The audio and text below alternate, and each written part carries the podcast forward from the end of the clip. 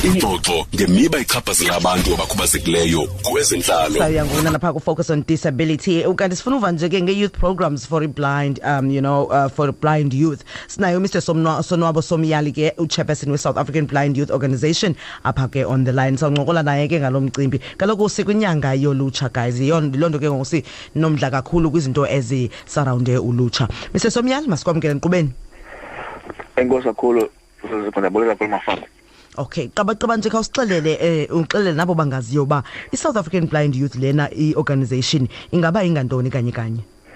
I-south african youth blind organization sabyo ngumbutho wabantu abatsha abangaboniyo nofocus kakhulu kwimiceli-mingeni yabantu abangaboniyo eh ekuhlaleni esikolweni ekufundeni nakho zonke indlela zokuphila zabantu abangaboniyo. Okay so zithini services enizirendarishayo for uh, blind young people in south africa. Um i-national organization lena kodwa thina sibase apha e- ephondweni ba i-under i-wing ye-south african national council for the blind. Um nengumbutho ke odilishana neemeko zabantu abangaboniyo. Okay. So ungakusichazela mhlawumbi ke ngezinye ze-programs enithi ke ni- eninazo kulena ke inyanga yolutsha njengoba sesitshilo sathi sikwinyanga yolutsha um mhlawumbi ngaba zi- zithini into ezabe nizenza? I-program zethu zininzi kakhulu esiba nazo kodwa ke into ibetha ipokotho ke sikumbutho ongathathi into uba unongenanto um kumele basikhuthaze abantu abangaboni bafunde um babuyele esikolweni.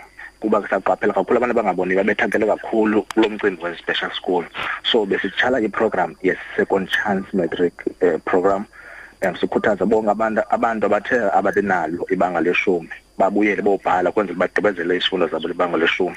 Abo bathe bona bafikelela kwimetric beze sibacebise sibonisane nabo kwenzela baqhubekeke nobomi nesizama kangokubhilda neeprogram um ze-abet whereby abo banga- bangafikelekanga kwangostandard seven nabo bakhuthazeke bakwazi ukuyela esikolweni uba akho nto siyiyo thina ngaphandle kwemfundo. Okwa- okwakaloku nje eh, mr somyali ithini imingeni ejongene ne- ne- nolutsha olungaboniyo ingqesho um basokola kakhulu abantu bethu ukufumana okomsebenzi ukuquka i-learnerships i-internship nezinkqubo ezikude kakhulu. Noba mhlambe bathe bathe bazifumana ufumana sibabona abalungiselelwanga ukuthi bakwazi ukufumana eh, la mathuba e-learnership.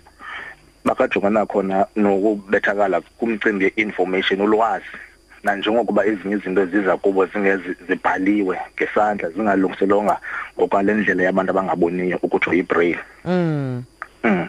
so nabanye ke abanye abantu bagqibela kudala ke ukukhuthazwa ukufunda ibraille nofumanisa ukuba ke zininzi kakhulu ii-changes ezikhona ngoku ibraille. Abe umntu ke ngoku engayalo mhlawumbi waphuma esikolweni ngo-two thousand and two ngo-two abe esabethakala kakhulu lo mcimbi webraille. So ke yile nto ke si- kukho ii-centers ezikhoyo apha ekuhlaleni babantu besondeza ba- bazololwa isakhono sabo sebraille.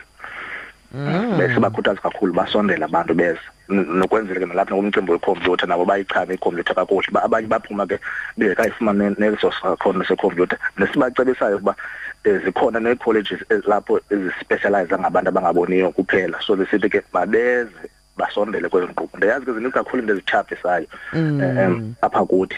So ndiyakhuthaza kakhulu abantu bethu basondele kwi- kwii-centers okay xa sowusitsho ke mr semyali ngawubasosibanike neenkcukacha mhlawumbi bazokwazi ukunilandelela okanye babuze um kabanzi xa mhlawumbi nemibuzo nje?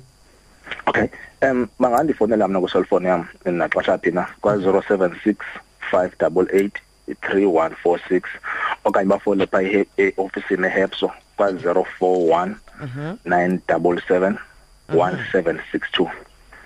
Okay. Ngamaxesha omsebenzi uqala ngo-nine until four. Okanye ngolosihlanu ngo-9 until 11 alright kule kule office. Kokugqibela ke phambi koba sikuyeke nje eh umyalezo wakho mhlawumbi apha kulutsha ke noba luloliphi na intlobo ye-disability ungathetha uthini kubo kule nyanga yabo? Msazi masivuke sizisebenzele nzima singabantu abatsha. Ndiyazi mina kakhulu imicelimngeni esijongene nayo um singazithathi iinkqubo e- e- e- ezinorhwaphilizo ezinobusela um sifocus kakhulu kuthi silulutsha si- si- si- sikhuthazane sithandane sixabisane. Um ziinto um utsho ke babalale bavuke baphuphe bavuke baphile iphupha labo. Inkosi Inkosi kakhulu. sibulela nathi ngexesha lakho inkosi mr somyali inkosi abulela ezentlalo 9 to 11 am monday to friday on true fm